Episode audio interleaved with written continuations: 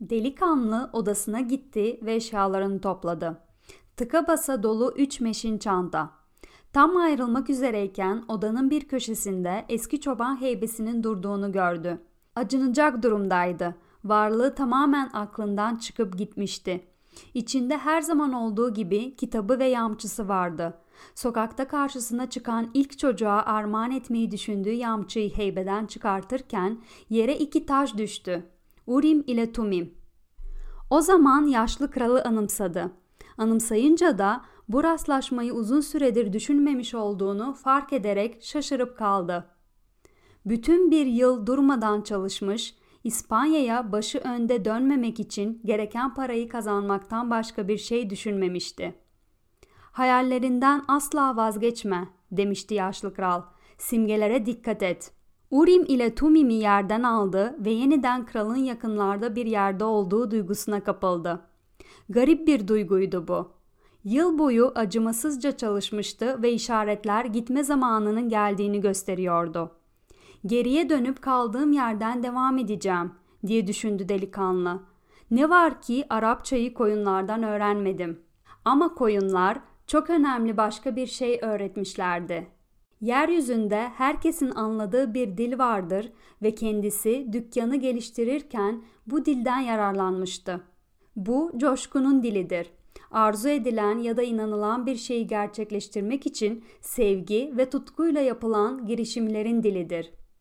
Tanca artık onun için yabancı bir kent değildi. Burayı fethettiği gibi bütün dünyayı fethedebileceğini hissetti. Bir şeyi gerçekten istediğin zaman arzunu gerçekleştirmeni sağlamak için bütün evren işbirliği yapar, demişti yaşlı kral. Ama hırsızlardan, uçsuz bucaksız çöllerden, düşlerinin ne olduğunu bilen ama bunları gerçekleştirmek istemeyen insanlardan söz etmemişti yaşlı kral. Piramitlerin bir taş yığınından başka bir şey olmadığını ve isteğinin kendi bahçesine taş yığabileceğini söylememişti yaşlı kral. Ve eski sürünüzden daha büyüğünü satın alacak kadar paranız olduğunda bu sürüyü satın almayı kendiniz için görev bildiğinizi de söylemeyi unutmuştu. Heybeyi toparladı ve öteki çantalarla birlikte aldı. Merdiveni indi. Öteki müşteriler kristal bardaklardan çaylarını yudumlarken bir yabancı çifte hizmet etmekteydi yaşlı adam. Sabahın bu erken saatinde iyi bir başlangıçtı güne. Delikanlı bulunduğu yerden billuriye tüccarının saçlarının yaşlı kralın saçlarına tamamen benzediğinin farkına vardı ilk kez. Yersiz yurtsuz, yiyecek içeceksiz durumda Tanca'da uyandığı ilk gün rastladığı şeker tüccarının gülümsemesini anımsadı. Bu gülümseme de yaşlı kralı anımsatıyordu.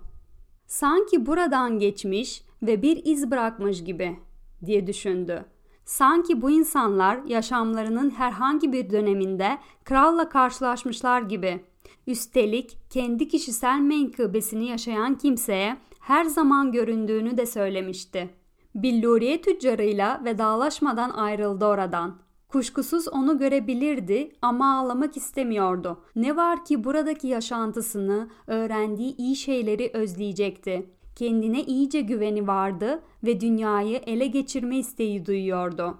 Ama eskiden tanıdığım kırlara gidip gene koyun güdeceğim. Ancak artık bu kararından dolayı mutlu değildi. Bütün bir yıl bir düşü gerçekleştirmek için çalışmıştı ama bu düş her dakika giderek önemini yitiriyordu. Belki de gerçekte böyle bir düşü yoktu. Kim bilir belki de billuriye tüccarı gibi olmak daha iyidir. Mekke'ye hiç gitmeden oraya gitme arzusuyla yaşamak. Ama Urim ile Tumim'i elinde tutuyordu ve bu iki taş yaşlı kralın gücünü ve iradesini kendisine aktarıyordu. Bir rastlantı ya da bir işaret sonucu diye düşündü. Buraya geldiği ilk gün uğradığı kahveye geldi. Hırsız orada değildi. Kahveci bir bardak çay getirdi. Yeniden çoban olabilirim dedi kendi kendine. Koyunlara bakmayı öğrendim ve onların nasıl bir şey olduklarını unutamam kesinlikle. Ama belki de Mısır piramitlerine gitme olanağım olmayacak bir daha hiçbir zaman. Yaşlı adamın göğsünde altın bir göğüslük vardı ve benim geçmişimi biliyordu. Gerçek bir kraldı, bir bilge kral. Endülüs ovaları ile arasında vapurla 2 saatlik bir mesafe vardı ancak ama kendisiyle piramitler arasında çöl vardı. Delikanlı durumu bir başka açıdan da görebileceğini düşündü. Aslında şimdi hazinesine 2 saat daha az uzaktaydı. Bu 2 saatlik menzile varmak için aşağı yukarı bir yıl harcamış olsa bile. Koyunlarıma neden kavuşmak istediğimi çok iyi biliyorum. Koyunları çoktandır tanıyorum. İnsana fazla yük olmazlar ve sevebilirim onları. Hazinemi çöl gizliyor. Ama çölü sevecek miyim, sevmeyecek miyim bunu bilmiyorum. Hazineyi bulamayacak olursam gene yurduma dönebilirim. İşte hayat ihtiyacım olan parayı bir anda verdi bana ve gereken zamanım da var. Öyleyse neden olmasın? O anda içinde müthiş bir rahatlama hissetti. İstediği anda tekrar çobanlık yapabilirdi. Canının çektiği anda kristal satıcısı olabilirdi. Belki de dünya başka hazineler de gizliyordu. Ama kendisi bir tek düş görmüş ve bir krala rastlamıştı. Bu da herkesin başına gelmezdi. Kahvehaneden çıkarken çok mutluydu. Tüccara mal sağlayan tedarikçilerden birinin kristalleri çölü geçen kervanlarla getirdiğini anımsamıştı. Urim ile Tumim eline aldı. Bu iki taş sayesinde işte yeniden hazinenin izini sürüyordu. Ben her zaman kendi kişisel menkıbesini yaşayanların yanındayım, demişti yaşlı kral.